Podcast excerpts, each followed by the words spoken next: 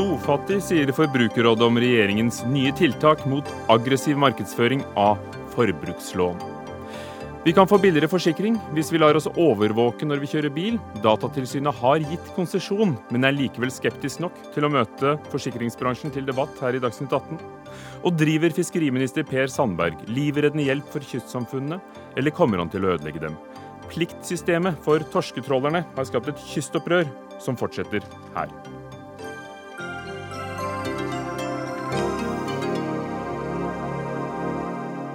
Velkommen. I dag sitter Ugo Fermariello i studio. Nordmenns samlede forbruksgjeld og kredittkortgjeld stiger og stiger. I fjor gikk den opp med 15% til 90 milliarder kroner. Historiene om gjeldsslaver som får kastet nye og ofte dyre lån etter seg, har vært mange. I dag presenterte regjeringen flere tiltak for å stanse denne pengegaloppen. Vel, pengene har de jo ikke, det er det man låner. Per-Willy Amundsen, justisminister fra Fremskrittspartiet. Det forslaget som ble sendt på høring for en tid tilbake, og det dere la frem i dag, det ble ikke mye igjen av det du ville gjøre. Jeg syns eh, absolutt at eh, det er målretta tiltak som ligger på eh, kredittsida, som gjør det lettere for forbrukeren å orientere seg i det reelle innholdet i tilbud man ser på. Og Da handler det om at man ikke overeksponerer tilleggsfordeler, håper å si, enkelte sider ved kreditten man tilbys. Eh, og det vil den nye forskrifta ivareta på en god måte. Så det er selve markedsføringen det går på. Men, men, det var en rekke forslag som gikk på at det ikke skulle være lov til å gi fordeler i kundelojalitetsprogram. Og, og, og der gjelder det konkurranser, bonuspoeng på fly eller hotellovernattinger, som er veldig populært. Mm. Eh, så selve produktet er nå det samme, men det må markedsføres mer forsiktig. Eh, det, det, er korrekt. Det er ikke noe forbud mot uh, tilleggstjenester, tillegg, tilleggsytelser ved uh, si, hovedinnholdet, uh, som da er kreditten. men det handler om at man da i eksponeringa av tillegg, tilleggsfordelene ikke kan la det være større enn det reelle innholdet som man skal markedsføre i forbindelse med kreditten. Så, Så fordelene må stå like stort eller lite som hva det hele koster? Ja, altså man, eh, man, må, man, må, man, må, ikke gi større eksponering til det som da er tilleggsfordeler, eh, enn det kreditten reelt koster. Og Det tenker jeg gjør at eh, forbrukeren har bedre forutsetninger for å gjøre veloverveide valg. Og jeg tror det vil tjene alle, både den enkelte forbruker, at man får litt rimeligere og mer fornuftig tilnærming til den informasjonen man mottar, og når man skal gjøre veloverveide valg. Jeg tror også det tjener samfunnet. Jørge Jensen, eh, fagdirektør for finans i Forbrukerrådet. Er det de har lagt frem i dag eh, fra regjeringen nok til å hindre folk å, å havne i, i luksusfellen? Nei, det er det ikke. Eh, og antagelig så, så vil enhver forskrift for hvordan du markedsfører ting, ikke være nok. Det er et behov for å dra i flere spaker hvis vi skal få eh, dette forbrukslånsmarkedet under kontroll. Men det eh, departementet hadde som utgangspunkt, eh, var egentlig ganske kraftfull og patent forslag til, til en forskrift. Det som var, hadde noe futt i seg, er tatt ut, så det er liksom blodfattig, det som er igjen. Det er et forbud mot enkelte budskap i markedsføringa. Det er det vi har. Men det som var dette som kalles eh, tilleggsfordelene, du vever inn kreditt når du skal kjøpe noe på butikken, det er jo det som kanskje var det mest kraftfulle, det som var bra i forslaget. Det, det har ikke kommet videre. Det er jo også det mange kunder syns er bra. Skulle du tatt fra folk muligheten til å opptjene bonuspenger på fly, eller gratis hotellovernattinger, eller få 20% i en sportsbutikk, kan ikke folk selv bedømme om de vil kjøpe benytte seg av sånt tilbud, og så heller betale tilbake før rentene begynner å løpe? Ja, og De aller fleste forbrukere klarer dette helt fint. Men det er blitt nå sånn at kombinasjonen med store boliglån pluss et veldig stort tilfang på forbrukslån gjør at husholdningas gjeld blir for stor. Og Det er jo det folk er bekymra for. Det er jo alle økonomene som har studert Norges risikoforhold, kommer jo til at husholdningas gjeld er blitt for stor. Og, og all denne salget av kreditt i butikk eh, gjør at husholdningene blir sårbare. Rett og slett. Og Det er det som vi ønsker. Men folks evne til å vurdere om de skal ta opp lån eller ikke, det er ganske all right. Det er ikke forbrukerne det er noe i veien med. Det er deg det er noe i veien med, altså? Per Nei, eh, overhodet ikke. Jeg kan forstå den inngangen uh, og hva man søker og ønsker. Så er det viktig å understreke at uh, det er et såpass inngripende tiltak man snakker om hvis man skulle holdt på å si, i praksis forby tilleggsfordeler. at det må i så fall utredes langt mer. Det vil ha konsekvenser for næringslivet som er uoversiktlige, og som ikke de kan sette to streker under svaret nå. Men det var ikke Men, mer inngrepende enn at dere med Frp-regjering sendte det ut på høring og foreslo det, og ville ha det? Det er korrekt at det var på høring, og dette er en forskrift som trer i kraft allerede 1.7. Jeg tror de fleste forstår at såpass inngripende tiltak må du ha et bedre fundament før du implementerer. Og så er, mm. er det også de forholdene at eh, det bør også hjemles i lov i så fall. Og så var det også en andre rekke forhold her som eh, var trukket frem i høringa. Altså både med hensyn til forbud mot salg av kreditt på telefon osv., som heller ikke kom videre. Og Det er ut fra ulike betraktninger, bl.a. at Stortinget har en sak til behandling som handler om nettopp dette. Men, men sånn, jeg utelukker ikke ytterligere tiltak. Nå kommer vi til å følge med når denne forskriften implementeres. Eh, og Trekke si, eh, resultatene av det, se hvordan det utvikler seg. Og så er vi åpne for en fortsatt utredning av sterkere virkemidler. Eh, men nå må vi først og fremst la den nye forskrifta få komme til anvendelse. Gry Nergård, direktør for forbrukerpolitiske spørsmål i finansorganisasjonen Finansnæringens organisasjon, Finans Norge. Dere er fornøyde i dag? Er ja. det fordi eh, dere egentlig får gjøre som dere vil, unntatt at dere ikke kan drive med dørsalg, og at dere må skrive alt med like stor tekst? Nei, da Grunnen til at vi er fornøyd i dag, det er jo at det er lagt fram en stor pakke som skal sikre at folk ikke havner i luksusfella i dag. Eh, og Det viktigste med den syns vi er at det endelig kommer på plass et gjeldsregister etter hvert nå. Det har vi etterlyst i mange år. Og Hele denne pakken som er lagt fram, som består av den gjeldsregisterloven og to forskrifter, eh, det er noe som bransjen selv har etterlyst egentlig i flere år. Så vi er veldig glad for at det kommer nå. Og Vi er jo fornøyd også med, fornøyd med den forskriften og syns at den er nok inngripende. Fordi at Når man ser hele den pakken under ett, så, så vil det nok være gjeldsregisterloven som er den viktigste.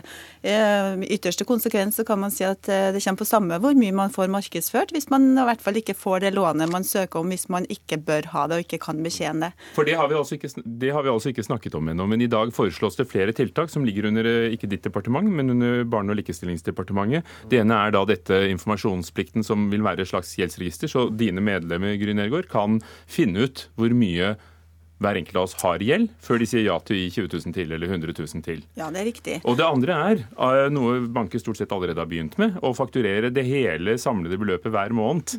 Eh, så folk skjønner at oi, jeg har visst ganske mye mer gjeld enn jeg liker å tenke på. Og når man, når man, ser alt det her i sammenheng, så vil det gi en ganske god, eller veldig god, vil jeg si, uh, mulighet for å begrense at de som ikke klarer å betjene forbrukslånene sine, faktisk ikke får lån i framtida.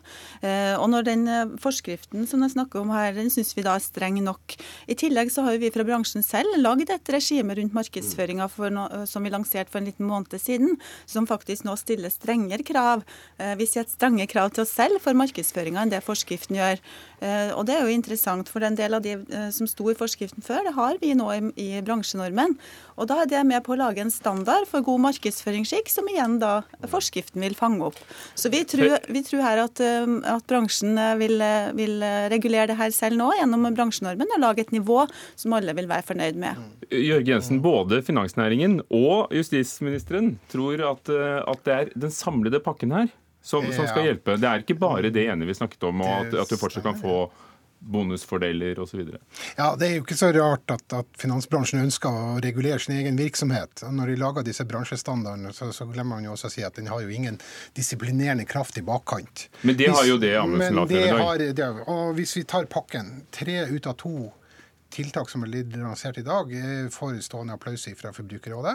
Så har vi noe på dette med markedsføringa som vi syns skulle vært stramma til, slik det opprinnelig var. For, for unnskyld, Amundsen. Ja. Dere foreslår jo at det, det, som de fleste som har vært ute og flydd, har møtt, nemlig at de står og fallbyr kredittkort idet du kommer opp en rulletrapp til en flyplass eh, fra det ene og det andre selskapet tilknyttet det ene eller andre flyselskapet, eh, det skulle bli forbudt. Standsalg. Det blir ikke forbudt. Det er bare dørsalg som ble forbudt. Og det er det vel ikke så veldig mye igjen av uansett. Jo, men som jeg, som jeg var inne på, eh, når du har saker til behandling i Stortinget som går på mye av det samme, så vil det være unaturlig for regjeringa å komme med en forskrift som regulerer noe som, som lovgivende forsamling har til behandling. Det handler om respekten for Stortinget. Så må vi se i det videre, og vi har på ingen måte utelukka ytterligere tiltak. Eh, som jeg sier, Denne forskrifta blir implementert allerede 1.7. Det er usedvanlig raskt. Eh, og eh, vi utelukker ikke ytterligere tiltak etter det. Nå skal vi komme til å følge utredningssporet. Men, men det er viktig for meg å understreke at kreditt har jo en viktig funksjon i et samfunn. Eh, og det, Vi ønsker jo ikke å stoppe folk i å bruke gode kredittordninger i et velfungerende kredittmarked. Det som er poenget, er å unngå å si, de, de, totalt useriøse aktørene som bidrar til å dra folk inn i en gjeldssituasjon de på ingen måte eh, bør være tjent med. Og at man har opplyste valg, gjør opplyste valg, har gode forutsetninger for å skjønne konsekvensen av sine handlinger. Har statsråden mer tiltro til forbrukerne enn dere i Forbrukernes eget råd har? Eh, nei, Vår manglende tiltro går jo til useriøse aktører. Og de må disiplineres med kraft, og ikke med, med en bransjestandard. De må disiplineres med som lov eller en forskrift. Eh, og det, er jo, det jeg registrerer, er jo at det er, selv om vi tapte slaget i dag, så er dette en, det er såpass alvorlig situasjon at vi er nødt til å diskutere dette med, med tilleggsfordelene senere nede i gata. Så jeg er det noen land som har, har eh, hindret eh, kombinasjonen av tilleggsfordeler og kredittkort? Altså, det er jo en, en, faktisk en åpning i altså, Vi eh, går jo lenger enn forskriften i bransjenormen vår når det gjelder både fordeler og konkurranser og vervekampanjer som er knytta til kreditt. Eh, og når eh, Jorge da eh, snakker ned litt denne bransjenormen vår, så syns jeg det er veldig dumt. fordi at, at, når bransjen selv ønsker å regulere det, og faktisk det blir også tatt inn i forskriften at det er god markedsføringsskikk som skal være playing field her, så det er kjempebra. Nei, men det er ikke snakk om å regulere, bare regulere seg selv. Men vi trenger, for å regulere de useriøse aktørene, så må vi stille krav bak. Og vi har sett når det har vært prøvd, prøvd med soft regulering, type dette forslaget, eller det som kommer nå, at du er nødt til å kred, på kredittkortregninga nødt til å ha maksbeløp. Man har jo prøvd med mild regulering nå siden 2012. Selskapene har ikke etterlevd denne milde reguleringa. Det måtte en forskrift til for at de begynte å innrette seg. For selv om mange følger etikkplakater, så er det ikke sikkert at nettopp de useriøse aktørene gjør det. Og, og da holder kanskje ikke selv en velment selvregulering? Nei, men det er jeg helt enig i. sånn at Vi har jo nettopp derfor støtta at det skal komme forskrifter, sånn at vi kan få Forbrukerombudet til å føre tilsyn og vi kan få sanksjonsmidler. Men når det gjelder innholdet her, om eh, nivået på hva som skal være forbudt, så syns vi det er veldig fint at regjeringa har sett lit til at den bransjenormen som vi har snakka om nesten et år, at det blir et godt nok nivå. Og at det skal kunne håndheves og sanksjoneres av Forbrukerombudet. Gry Nergård, mange vil jo huske at du var eh, forbrukerombud mhm. inntil august i fjor. Ja. Eh, og i Dagsavisen 15.3 i fjor så skrev du at eh, denne markedsføringen, den omfattende markedsføringen av dyre forbrukslån må dempes, og at en etikkplakat kan være til god hjelp, men det må ikke bare henge på veggen. Nei. Ville 2016-utgaven av deg vært fornøyd med det som kom i dag? Ja, det tror jeg. For at eh, som du også kanskje vil se av den uh, saken som du leste opp i, så har jeg hele tida sagt at det er flere ting som må virke sammen.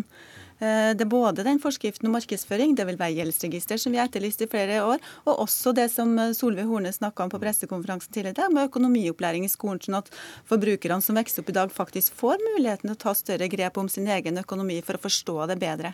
Og Der har jo dere nå i Finans Norge laget en pakke for skoler sammen med Forbrukerombudet. Uh, Amundsen, 15% økning på ett år, 90 milliarder kroner i forbruksgjeld på, på våre 5 millioner forbrukere, og mange av dem er barn og har vel ikke tatt opp noe ennå. Mm. Du sier at det er en god ting å kunne ha tilgang til gjeld, men føler du ikke at vi kanskje har nådd det punktet hvor det er litt for lett? Men det er jo akkurat det ansvaret og håper å si, den eh, de vurderingene vi gjør når vi ser behovet for å stramme opp, eh, både gjennom eh, kreditt, gjennom dette registeret, eh, gjennom flere tiltak, og dette er en, en samla pakke, så er det nettopp for å unngå at personer som havner i en vanskelig situasjon, ikke i stand til å betjene sin, sin gjeld, tar opp ytterligere kreditt. Det oppfatter jeg veldig tydelig at disse tiltakene setter oss bedre i stand til å gjøre. Er, men, men det er jo ikke enten-eller. Kreditt er fungerer godt for de som er i stand til å betjene det. Men vi vil ikke eh, at folk skal ta opp kreditt uten at de har eh, grunnlag til å betjene den samme kreditten. Og Da handler det mye om at man har tilgang på god, riktig informasjon, og at man gjør veloverveide valg. Og Jørge Jensen, vil ikke mye av det ligge i det populært kalte gjeldsregisteret? Da vil ikke du få for mye gjeld fordi ingen vil gi den? Eh, jo, men jeg tror ikke gjeldsregisteret alene kommer til å redde dagen. Eh, det tror jeg vi skal ta med. at Vi har sett tre tiltak i dag, men det ligger flere tiltak som må på plass senere. Og En av de som er der, er også da en vurdering av et rentetak. Det må vi, vi må få på plass en sånn vurdering, og det kommer jo med Stortinget faktisk eh, kommer vel i dag, det allerede. sånn at eh, her er flere ting i kø. Den debatten har vi tatt før, og vi kan ta den igjen. Takk skal dere ha, Jørge Jensen fra Forbrukerrådet, Gry Nergård fra Finans Norge og Per-Willy Amundsen, justisminister. Dagsnytt 18 alle hverdager kl 18.00 på NRK P2 og NRK2.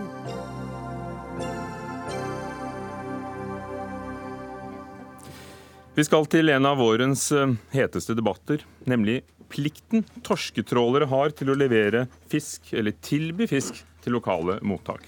Den vil fiskeriministeren fjerne, og har hisset på seg et helt kystopprør. Men er det redningen, eller blir det dødsstøtet for kystsamfunnene? Geir Ove Ystmark, vi begynner med deg før vi tar selve debatten. Administrerende direktør i Sjømat Norge. Hva slags vepsebol er det Per Sandberg har stukket hånden nedi med dette forslaget? Nei, Det Per Sandberg eh, har prøvd å gjøre, det er å løse opp i en eh, forelda ordning. Gamle styringsstrukturer fra 1960-tallet som det er på tide å få løst eh, opp i. Eh, og så tror jeg det er viktig å få fram at det vi har i Norge, det er en sjømatindustri som virkelig investerer. Den investerer tungt. Den investerer det er den du representerer? Ja, ja. Ta Lerøy som et eksempel. Lerøy betalte 4 milliarder kroner for å investere seg opp på torskeindustri. Det gjorde de ikke fordi de skulle flokke lysene og forlate Nord-Norge, men det gjorde de fordi de ønsker å produsere mer, bygge merkevarer, bygge produkter. Tar du Nergård-konsernet som et annet konsern, så har de altså i løpet av de tre siste årene investert i landanlegg langs norskekysten for 1 milliard kroner. Det investeres langs norskekysten i stort. Det er en stor optimisme. Og, og jeg synes det blir skummelt hvis denne debatten da blir en slags svart-hvitt-debatt, hvor man prøver å lage et inntrykk av at nå flokkes lysene, og så forlater man Nord-Norge. Så du synes din sidemann er modig? Jeg synes han er modig, men jeg synes mange måter også han går litt for langt. Han eh, foreslår å ta 20 av eh, Lerøy sitt eh, kvotegrunnlag for å flytte over til, til kystflåten under 15 meter. 20 det er et svært dramatisk inngripen i en, i en bedrift. Til gjengjeld slipper de dette med å tilby fisk til lokale mottak. da. Så det er gi og ta. Ja, altså Det å få slippe opp i disse gamle pliktene, det er vi helt enige med statsråden i. Men så mener vi at det, han tar litt for mye Møllers tran når han faktisk krever så mye som 20 i, i oppgjør, i stedet for å la bedriften kjøpe seg ut av disse forpliktelsene. Og Du sier ikke det bare fordi du representerer flere større enn små aktører, flere Lerøy-aktige aktører enn kystfiskere? Nei, Vi representerer alt fra små, konvensjonelle fiskebruk til store vertikalintegrerte selskap. Vi har hatt omfattende diskusjoner internt hvor alle sammen er enige om én ting, og det er at det gamle pliktsystemet er forelda. Det er gårsdagens virkemiddel som ikke fungerer i dag, og som er på tide å få avvikla. Men hva er det som ikke fungerer? For du forklarer jo at, at store interesser investerer gladelig mye penger lokalt. Hva er da galt med å ha et system som, tilby, som pålegger dem å, å, behandle en del og tilby en del av, av fisken lokalt? moderne næringsliv dreier seg om at du, velger, at du sjøl kan strukturere, du kan velge sjøl hvordan du skal produsere. Da kan vi ikke ha gamle styringsstrukturer hvor det er staten som skal bestemme hvor fisk skal landes, Men du, når du han sier, skal landes. Sier du ikke at de har lyst til å lande den der uansett, da? Jeg sier at uh, man har lyst til å drive omfattende industriaktivitet langs kysten av Norge og i Nord-Norge, og at det er derfor vi har, eh, har eh, en stor investeringsglød. Men da må man også selvsagt ha fleksibilitet til å kunne både omstille bedrifter og tilpasse markedene fortløpende. Dette handler om torsketrålere. Hvis de ikke leverer lokalt, som de da ofte tydeligvis ikke ønsker å gjøre, hvor leveres fisken da? Det som ikke leveres lokalt, legges jo ofte da ut på, på auksjon. Mye av det på en frossenauksjon. Mye av det går da inn i klippfiskindustrien, f.eks. på nord, nord, Nordvestlandet. Eh, det meste vil være tilgjengelig for, eh, for, industrien. Men jeg ser at de bedriftene som nå posisjonerer seg, de gjør det fordi de ønsker å bygge store, moderne eh, sjømatkonsern, hvor de både kan ha rødfisk og hvitfisk som en del av porteføljen, fordi de ønsker å bygge marked, fordi de ønsker å bygge merkevarer. og fordi de faktisk ønsker å drive produksjon i Norge. Mm. Hvis dette ikke går igjennom, hva, hva frykter du kan skje da? Ja, da tror jeg vi vil fortsette med en fiskeindustri med mer marginal avkastning. Med mer marginal avkastning så vil vi få økt råvareeksport fra Norge, mindre bearbeiding og mindre norsk merkevarebygging. Takk til deg, Geir Ove Ystmark eh, fra Sjømat Norge. Nå får du sitte og høre hva, hva den politiske opposisjonen sier. Eh, Karianne Oppsal, mm. fiskeripolitisk talsperson for eh, Troms Arbeiderparti. Dere er enige, du og fiskeriministeren, om én ting, og det er at noe blir bli gjort fordi pliktsystemet ikke fungerer optimalt. Hva er det som ikke fungerer? Nei, og som du altså, tror du er enig om? Altså, hensikten bak den ordninga som en gang ble etablert, var å tilgodese eh, landsida med råstoff, sånn at man kunne ha helårlig produksjon.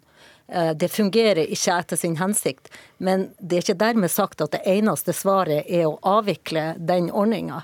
Eh, og det er jo det Sandberg foreslår. Han foreslår å avvikle pliktene mot å gi en kompensasjon. Men hvorfor fungerer det ikke? Fordi de, plikter jo da å tilby fisk. og ja, jeg syns de hadde en kjempegod forklaring på det på Nytt på Nytt, hvor han sa at eh, altså, eh, bedrifter vil alltid innrette seg på den måten som er mest lønnsom for dem. Og hvis det er mest lønnsomt for eh, den samme eieren på flåtesida Eh, og, og, og, altså Hvis det er mest lønnsomt for han å, å fryse fisken og sende den ubearbeida ut, så finner han en måte å gjøre det på. Han sier ikke ja takk, nei, jeg vil helst ha den fisken, og jeg vil, og jeg vil produsere den og tape penger. Så det, det, ligger i sakens natur at de vil forsøke å optimalisere lønnsomheten sin. men så må det jo finnes måter å gjøre dette annerledes på. For det er samme eier altså, av, av ja, tråleren og mottaket? Ja, ikke sant. Og så sier han jeg, vil, jeg tilbyr det til meg sjøl, nei takk, jeg vil ikke ha det, for jeg taper penger på å gjøre det sånn. Men det er jo den forpliktelsen han har overfor samfunnet.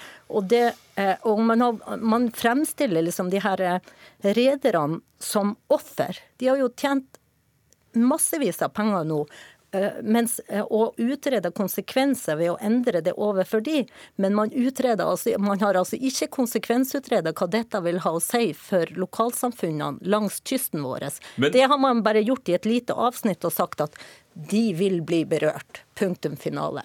Per Sandberg, fiskeriminister, nå har du holdt deg lenge. Hvordan vil de lokalsamfunnene bli berørt? Jo, men Det vet vi jo ikke. Fordi at, eh, men vi vet hva som har skjedd de siste tiårene. Og Er du enig i den beskrivelsen fra med, med, de andre her? Med pliktsystemet på plass, så vet vi hva som har skjedd. Siden 1970 fram til 2010 så har vi så fjerna 90 fiskeanlegg i Norge under pliktene. Og så er det sånn at dette pliktsystemet, altså det er komplisert. For man snakker jo om aktivitetsplikten, altså som ligger til Havfisk ett rederi på, på innpust. Og så snakker man om leveringstilbudsplikten på utpust. Man blander kortene. Det er altså sånn at Totalt så har vi 410 000 tonn med torsk som leveres. Som ja. fangsttest. Vent nå. Og det er kun 1,7% av dette som ligger under pliktene, og som leveres under pliktene. 6000 tonn blir levert i forhold til pliktene.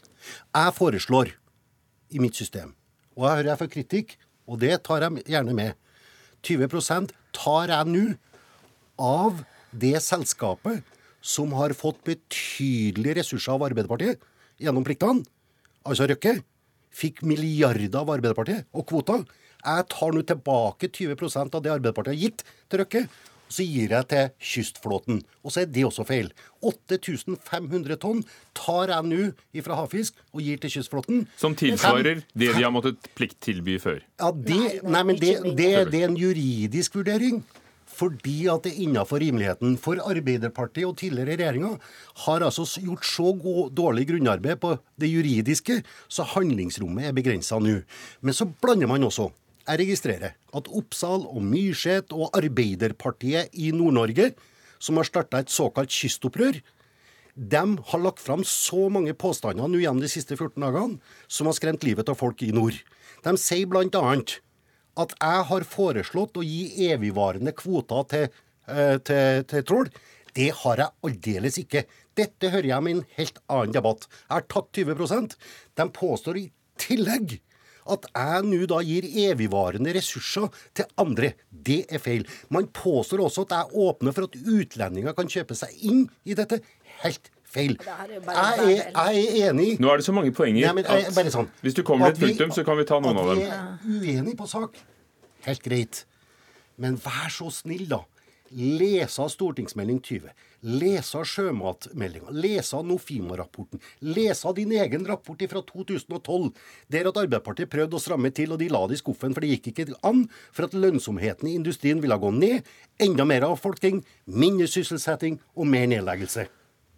Det er mange momenter, Karian Oppsal, For å ta noen av dem. Mm. Det med å ta 20% av kvoten og overføre til kystfiskere, kan ja. det kompensere for kan det, det pliktsystemet og, og, skape liv på lokale mottak? Altså, Kan det være en løsning? For det første så er aktivitetsplikten bare knytta til havfisk og nå Lerøy sine, ja, sin, ja, ja, sine konsesjoner. Og når Per Sandberg sier at dette omhandler bare 1% ja vel, vi er alle enige om at det ikke eh, fungerer etter sin hensikt. men hadde, hadde, de gjort det, så hadde det vært 55 000 tonn fisk hvert år, og 17% av de totale torskekvotene.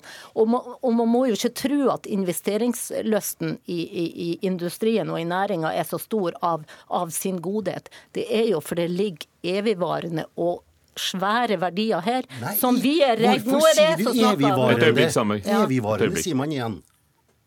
Jo, fordi at eh, forvalta på en god måte, så er fiskeriressursen evigvarende. Ja, men ikke eierskapet?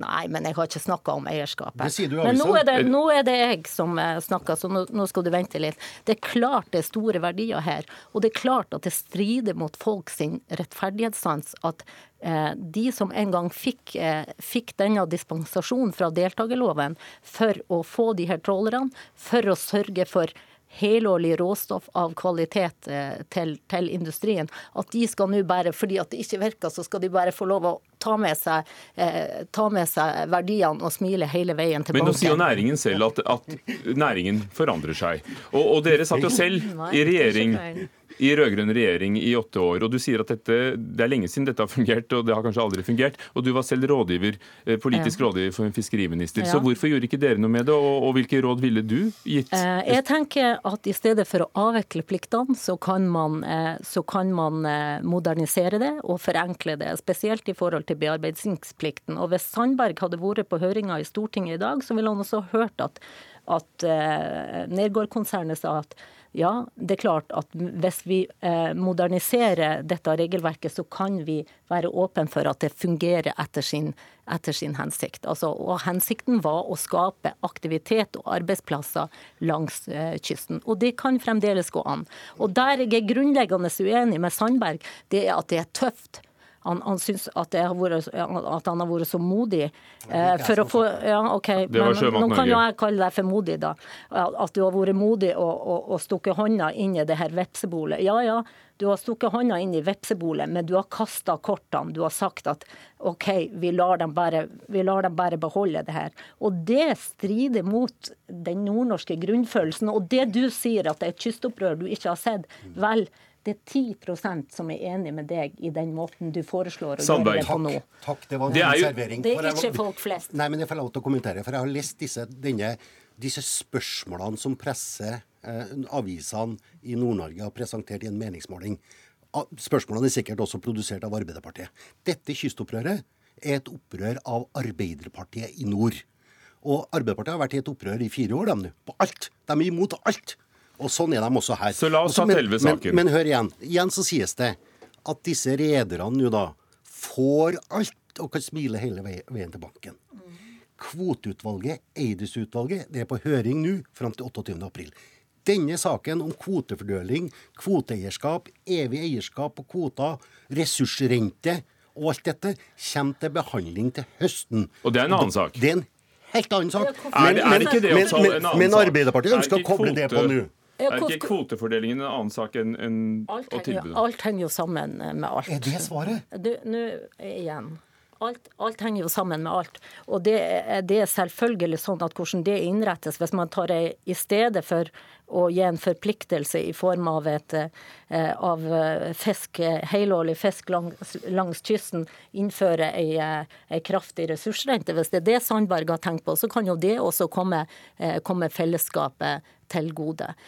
Og da kan han jo, hvis han er ansvarlig, så kan han jo utsette dette og ta disse tingene samtidig. Ja. Men hvis det er sånn det at næringen har både mottak og trålere, og ikke ønsker å motta den fisken, og heller sende den uh, lenger ned på, uh, på kysten til klippfiskproduksjonen f.eks., betyr det ikke at det er en strukturendring?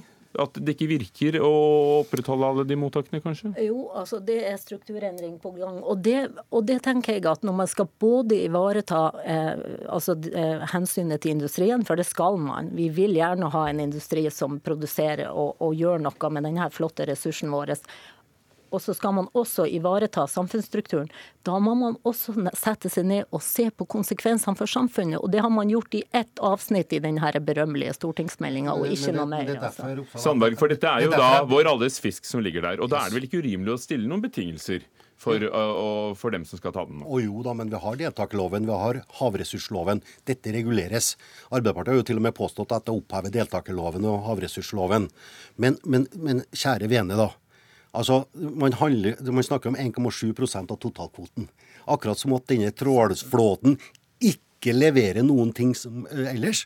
Man leverer altså betydelig av ressurser oppover. Men jeg hører at Arbeiderpartiet heller lytter til Nytt på Nytt, mens jeg faktisk, for en gangs skyld, vil lytte til Nordlys, altså avisa. Og de skriver på lederplass Per Sandberg og regjeringa gjør helt rett. Det er nå på tide at man vraker et system som fullstendig har gått på dato. De skriver rett og slett man kan ikke bære havre til en død hest. Og da lytter jeg til Nålys, jeg faktisk foran Nytt på Nytt. Ja, og så tenker jeg det at han er ikke bare på feil jorde, han er langt til havs. For han har bomma i, den, i denne balansegangen her. Han har, han har altså eh, eh, du, du, hører at dette blir jubles av eh, av eh, rederne og industrinæringa, mens folk i nord de liker ikke dette, Per Sandberg. Og du skal ivareta begge hensyn. Men hvor mange har folk? Bare vent og se. Det kommer fiskere ja, Det var 70% i en undersøkelse. Takk skal dere ha, begge to. Per Sandberg, fiskeriminister. Karianne eh, Oppsal, som er fiskeripolitisk talsperson for Troms Ap og stortingskandidat, og Geir Ove Usmark for Sjømat Norge.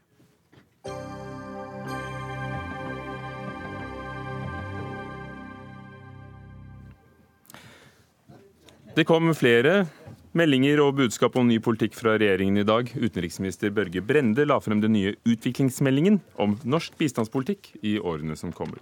Blant annet skal eh, utviklingshjelp til fornybar energi i utviklingsland dobles fra dagens 500 millioner kroner årlig til 1 milliard i året i 2019.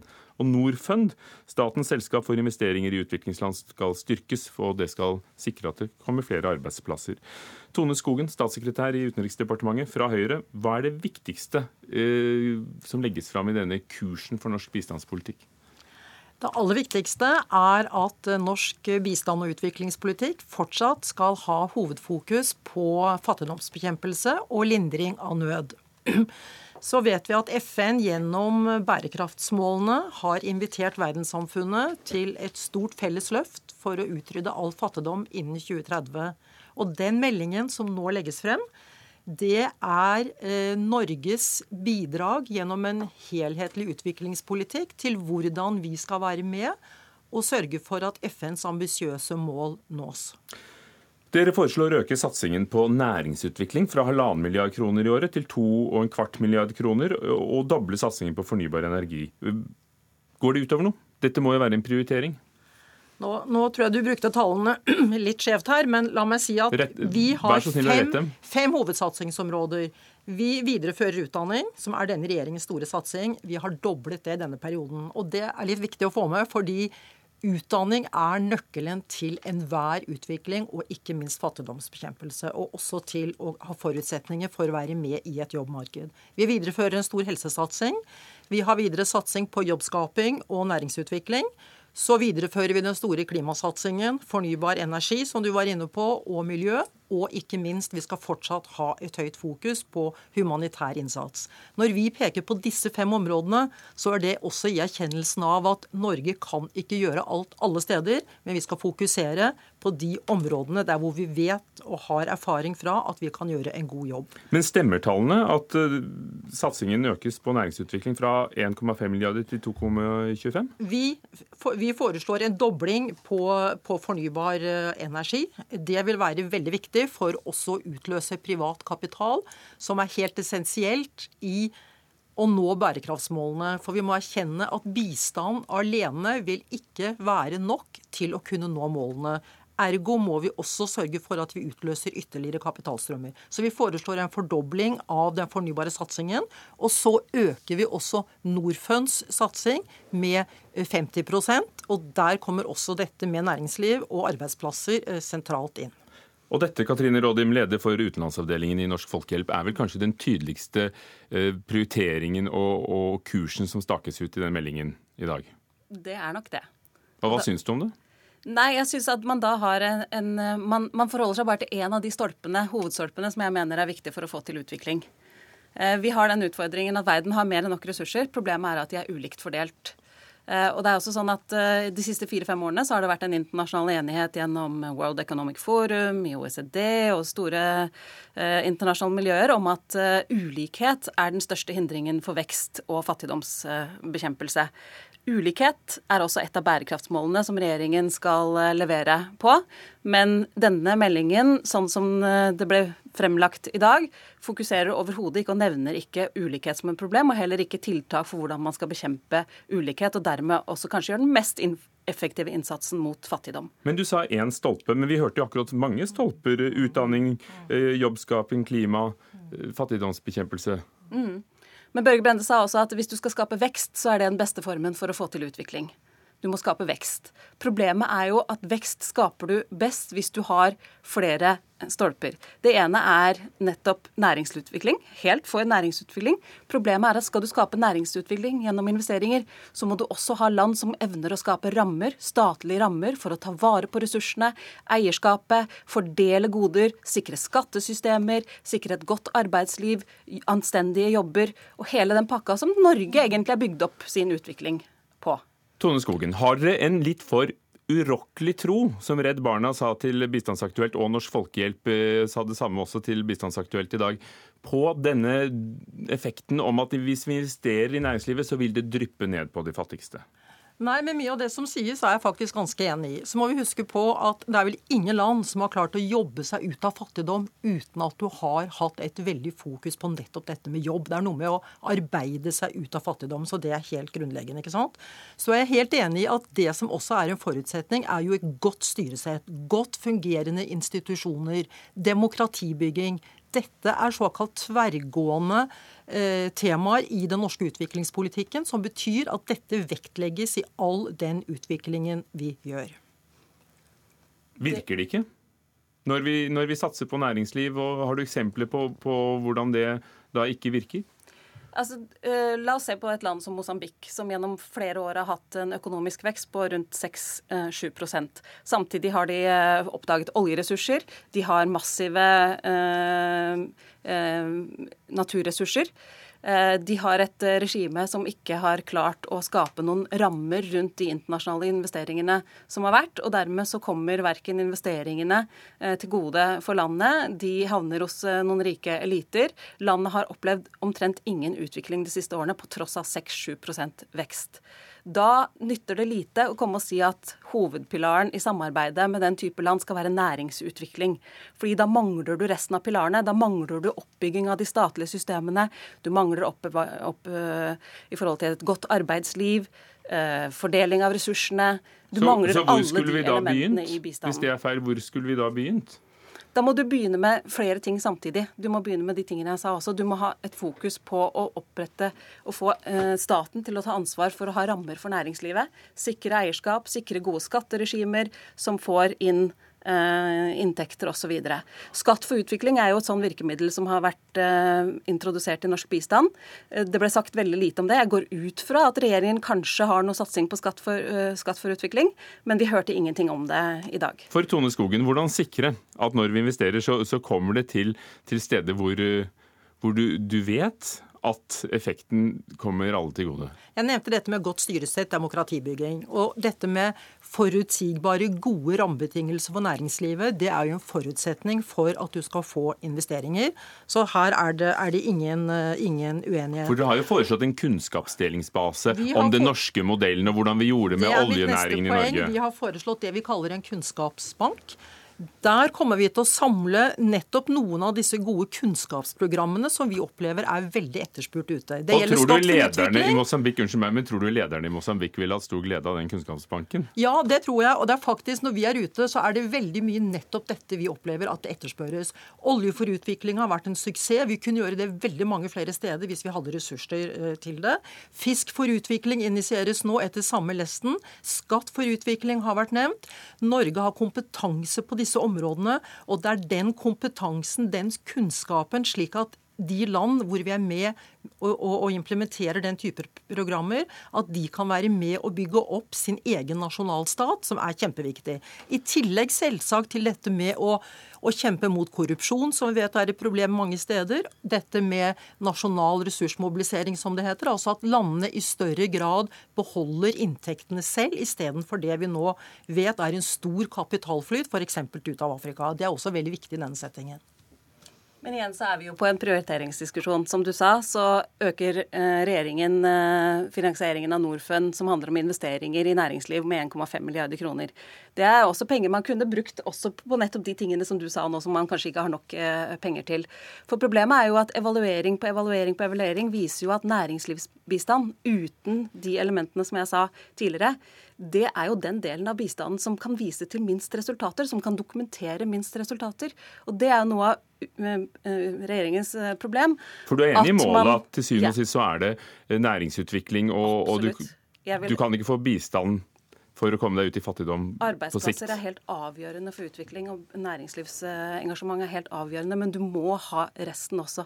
Det ene nytter ikke uten det andre. For når dere snakker om satsinger som også handler om penger, f.eks. For på fornybar energi, eh, fordi vi er gode på det og er vant til å ha vannkraft f.eks., så er det jo en prioritering. Hva er det dere prioriterer ned? For noe må jo prioriteres ned. Nei, Vi har ikke sagt at vi gjør det. Vi har sagt at vi konsentrerer oss om disse fem hovedtemaene. Og så må vi ikke glemme at BNI har jo heldigvis vokst da de siste årene, som gjør at vi har ikke vært nødt til å redusere så veldig på vår innsats. Men vi har en sterk tro på at vi skal gjøre mer av det vi vet vi er gode på, det vi har sett gode resultater på. Så må vi ikke glemme at i utviklingsland så er det ni av ti jobber skapes i privat sektor. Det forteller ganske mye om hvor viktig det er å satse nettopp på jobbskaping gjennom å engasjere de private miljøene. Og der er det jo et veivalg, men når BNI, altså bruttonasjonalinntekt, vokser, så, så har vi penger til å gjøre begge deler? Det kan du si, men samtidig så handler det jo om å prioritere, spør du meg, uansett. Eh, og det er en eh, utfordring at regjeringen ikke svarer på en av de viktigste prioriteringene som jeg mener burde være i utviklingspolitikken, og det er å bekjempe ulikhet, fordi det skaper vekst, det skaper utvikling. Og så langt så har jeg enda til gode å høre hva det er regjeringen har tenkt å levere på bærekraftsmål nummer ti, som denne stortingsmeldingen faktisk skal svare på. Men, men da må jeg få si at nettopp pga. ulikhet er jo derfor vi driver utviklingspolitikk og bistand. Og dessverre, dette med ulikhet er ikke noe typisk bare for u-landene. Det ser vi også i vestlige land. Og du fikk noen svar. Vi fikk ulike svar. Takk skal dere ha. Tone Skogen, statssekretær i Utenriksdepartementet. Katrine Rådim, utenlandssjef i Norsk Folkehjelp.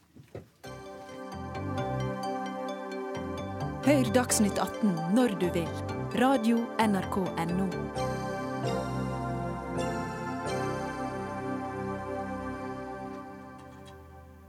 Det er sørgedag i St. Petersburg i Russland etter angrepet mot undergrunnen i går.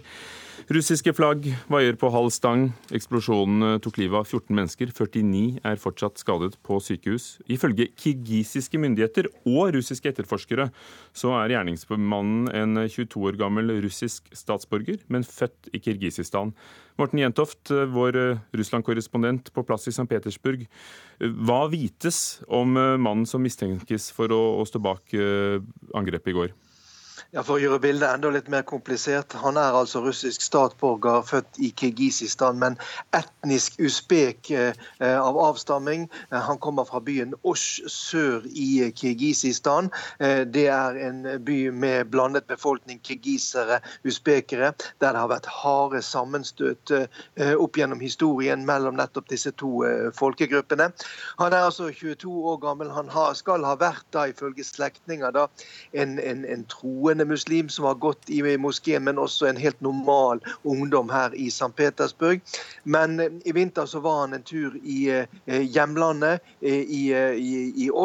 Der skal han da igjen da, ifølge russiske medier da, ha vært i kontakt med radikale grupperinger der nede, og kommer da tilbake igjen og gjennomfører da denne terrorhandlingen.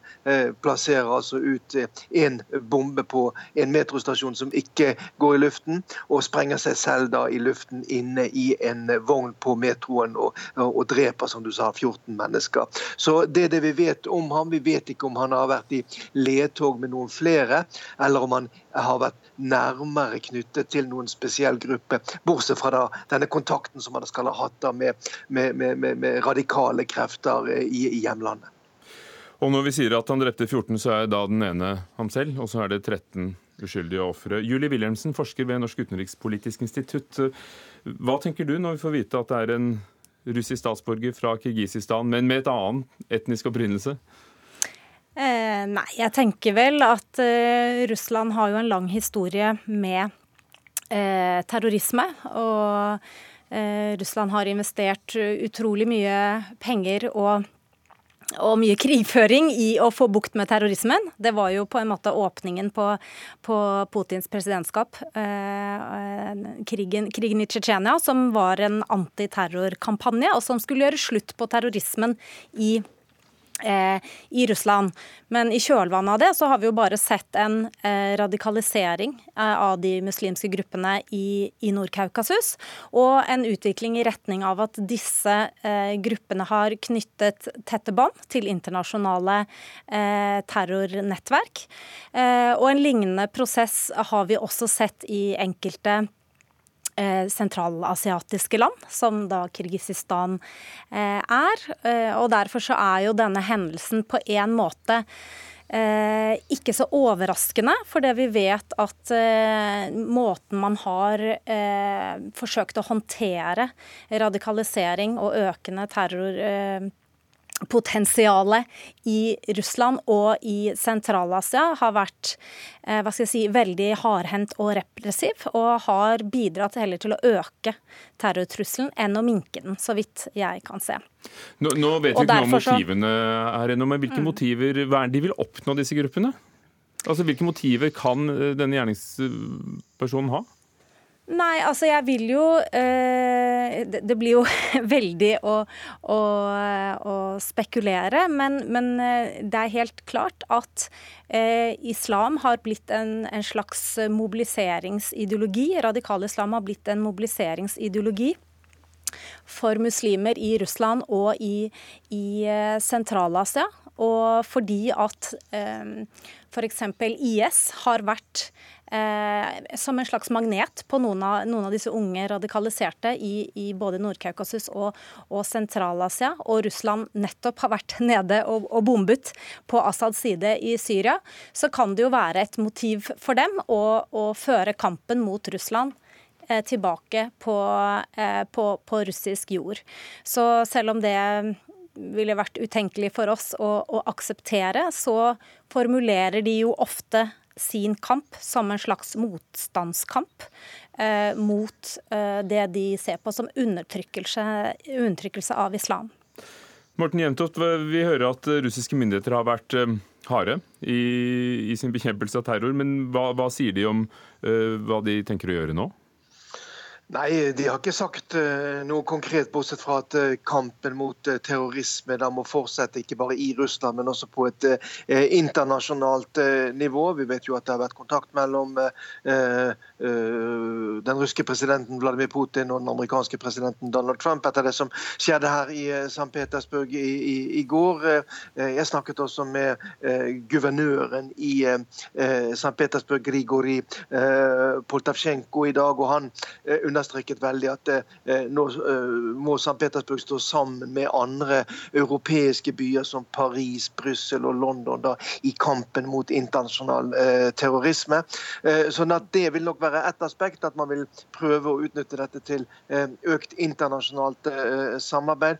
Men hvordan man skal kunne klare å stoppe hvis dette skulle vise seg for å være en sånn enmannsaksjon, sånn som en del ting tyder på her, det er jo nesten helt umulig da, hvis man da ikke skal eh, innføre samme type kontroll på metroen som den som man har på, på flyplasser. og Det vil jo være omtrent helt umulig når vi vet hvor mange millioner som, som reiser og som er avhengig av metroen her hver eneste dag.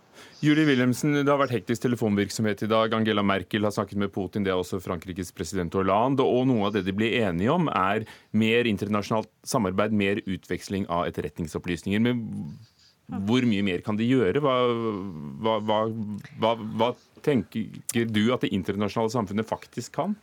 Nei, For det første så er det jo slående hvordan dette er en parallell til det som skjedde i 2001 etter eh, angrepene på Twin Towers. For kamp, Den felles kampen mot internasjonal terrorisme var jo det som ble startskuddet for russisk-vestlig samarbeid. Etter 2001 så har jo det forfalt dramatisk. Eh, Eh, men samtidig eh, så har jo nettopp Putins forslag siden eh, de siste par-tre årene har vært at Russland må samarbeide med, eh, med, Vesten om å bekjempe terrorisme. Og Det har vært et slags forsøk på å få Russland ut av den isolasjonen det har vært i forhold til vestlige land etter annekteringen av Krim. Så vinner Putin så, litt på Ja, på en måte så får, han, så, så får han, noe han har etterspurt og, og, forsøkt på de siste, siste, par årene, men som han absolutt ikke har lyktes med. Fordi at ø, vestlige politikere Eh, er fremdeles ekstremt skeptiske til Putin og Putins regime, og ønsker ikke å samarbeide. Og her er selvfølgelig Trump en, en veldig viktig Eh, veldig viktig figur, for det var jo noe av det han også sa under presidentvalgkampen, at Russland bør vi forsøke å samarbeide med, bl.a. om internasjonal terrorisme. Så har han jo ikke fått til denne tilnærmelsen eh, overfor Russland eh, etter at han ble president, bl.a. fordi opinionen i USA er så ekstremt russlandskritisk. Men nå har han også fått en grunn til å plukke opp telefonen og ringe Putin, og på en måte gjøre eh, det Putin har, har ventet på. Men det kan bli med ordene? Ja, det tror jeg absolutt. Og her er vi jo ved et kjernemoment. For det at Russlands måte å bekjempe terrorisme på eh, eh, blir eh, uakseptabel ut fra slik eh, vestlige politikere i hvert fall sier at de ønsker å, å, bekjempe terrorisme på. Og Det var det som var grunn til at samarbeidet strandet sist gang, og sannsynligvis så vil det gå på samme måten denne gangen. Takk skal du ha, Julie Wilhelmsen, forsker ved NUPI. Og takk til vår korrespondent Morten Jentoft, som vi ser i Dagsrevyen om eh, litt direkte fra St. Petersburg.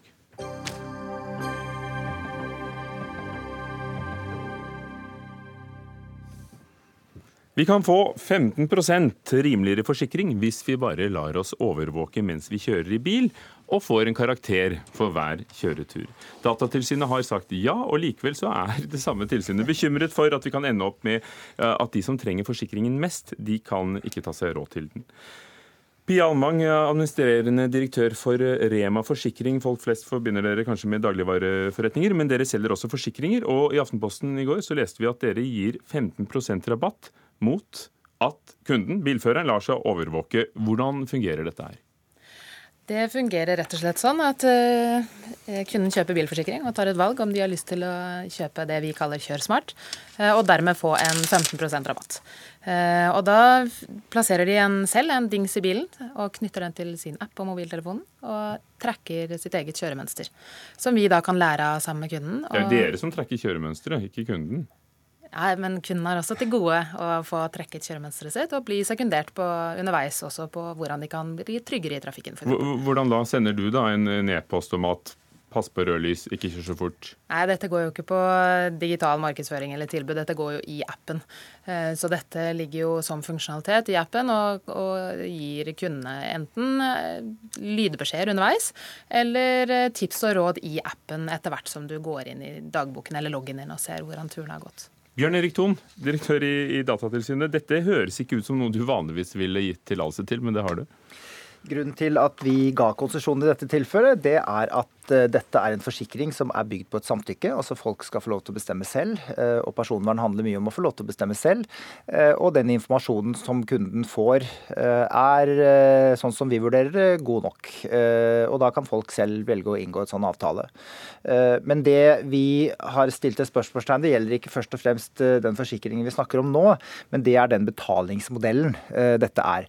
For dette er en betalingsmodell hvor det jeg betaler for å få rabatten, uten at jeg har denne installert, men som vi betaler som forbrukere, eh, er personopplysningene våre. Og så får vi da en rabatt tilbake. Så vi ser nå en utvikling, og vi har sett det også i andre markeder og i andre land, eh, hvor man da får en lavere pris, man får tilbud på enkelte produkter, dersom man lar seg på en eller annen måte overvåke. Men som du sa, jeg har jo sagt ja til det.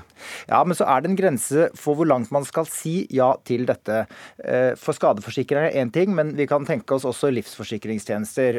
Det er et selskap som jeg aldri husker navnet på. Jeg må se er dette Generali Group, som har laget et program som sier 'litt sunnere hver dag'. Hvis du går så og så mange skritt, spiser den og den type maten, gjør de og de aktivitetene, så får du en rabatt på forsikringen, eller du kan få tilbud på ulike helse- eller treningsprodukter.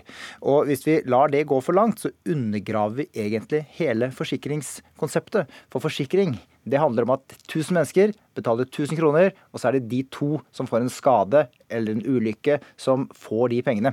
Eh, men hvis dette blir for individualisert, som vi gjør nå, så er det egentlig ikke noe forsikring vi snakker om lenger. Da kan du like godt sette pengene dine i banken. Du er den andre tidligere forbrukerombudet vi har i studio i dag. Er det ditt gamle jeg som forbrukerombud som taler her?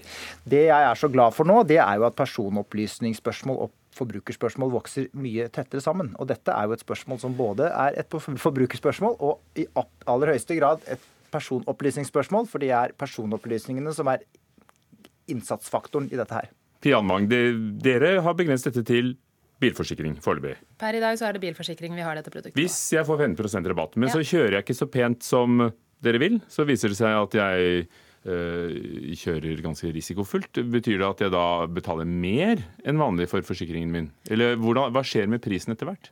Eh, kan, per i dag så kan du risikere å miste deler eller hele rabatten etter et år. Det er jo første gang vi har muligheten til å justere prisen på forsikring. Eh, men grunnen til at vi velger å legge 15% på bordet allerede fra dag én, er fordi vi tror at de som velger å kjøpe bilforsikring med Kjør Smart, at de tenker å kjøre tryggere og har lyst til å inngå denne pakken eh, med oss. Men da blir det vel dyrere eh, for de andre, fordi dette er jo da eh, mange mennesker som går sammen, og alle betaler en premie, og dette skal fordeles på skadene. Så blir det da dyrere for de som takker nei? Eh, jeg tror at dette bare er veien til en riktigere pris. Eh, så istedenfor å bare titte bakover i historikken, eh, sånn som man tradisjonelt gjør i forsikring når man priser, så, så vil man nå kunne realtime vurdere hva riktig pris er for riktig risiko. Ble, ble, ble, du inspirert av det Generali Group, italienske, skjønner du, gjør med, med livsforsikring? At er du, er du sunn, går du 10 000 skritt om dagen, så får du jeg, jeg, tror det er, stor, jeg tror det er et stort, stor forskjell mellom det risikomomenter du kan påvirke selv, og risikomomenter du ikke kan påvirke selv. Så f.eks.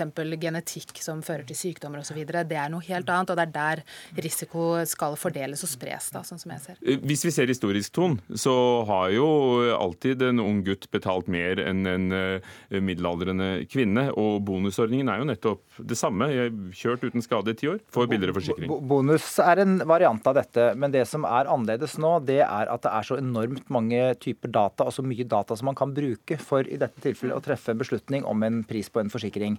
Eh, og Hvis vi går til livsforsikring, så kan vi tenke oss vi kan, at man går ut med helseapper, at man blir målt hvor man er, hva man spiser Men, men la oss holde til alt, man, denne forsikringen. Eh, hva, hva synes du om at prisen kanskje justeres eh, etter et år, da? Hvis folk kjører Nei, altså, mer risikofullt? Dette, dette, dette, er jo en betalingsmodell, og det jeg syns blir veldig interessant, det er når det nå kommer et nytt personvernregelverk om et år. Da åpner man opp for noe som heter dataportabilitet. Det betyr at jeg kan ta med meg opplysningene mine fra ett selskap til et annet selskap. Og det, det, er en fin ting. Så det betyr at en kunde i Rema forsikring, i hvert fall sånn som vi har tolket dette regelverket til nå, eh, kan få 50, De er så forsiktige til å kjøre bilen sin at de kan få 15 forsik forsikring i et, rabatt i et selskap. Men så kan de ta med det til et annet selskap og si se her, jeg er så forsiktig når jeg kjører at jeg skal få 20 rabatt. Eh, og dette er jo sånne systemer som Rema og andre forsikringsselskaper nå må legge til rette for, sånn at vi brukere og forbrukere kan i større grad kan eie og kapitalisere og få gode priser på, eh, på kjøremønsteret vårt i dette tilfellet her. Sånn. Om du liker utviklingen eller ikke, er dette første trinn i en, i en utvikling? Hos dere òg, med forsikringene og prisene? Ja, men Det vil jeg jo håpe at hele forsikringsbransjen tenker. Dette er jo en måte å gi makta til kunden i forhold til både pris og forstå prisen og påvirke prisen. Og du ser ikke faren for at vi får et todelt system? Todelsystem i forhold til? Med, med, med, med de som er, er, trygge og lar seg overvåke, og de som ikke vil gi valuta? Og... Så lenge vi er på steder hvor man påvirker risikoen selv, så er det fint. Takk skal dere ha. Vi kan ikke påvirke mer nå. Pia Anvang fra Rema Forsikring, Bjørn Erik Thon i Datatilsynet, direktør faktisk. Fredrik Lauritzen var ansvarlig for Dagsnytt 18, Hanne Lunås teknisk ansvarlig, Ugo Fermariello programleder. Takk for i dag.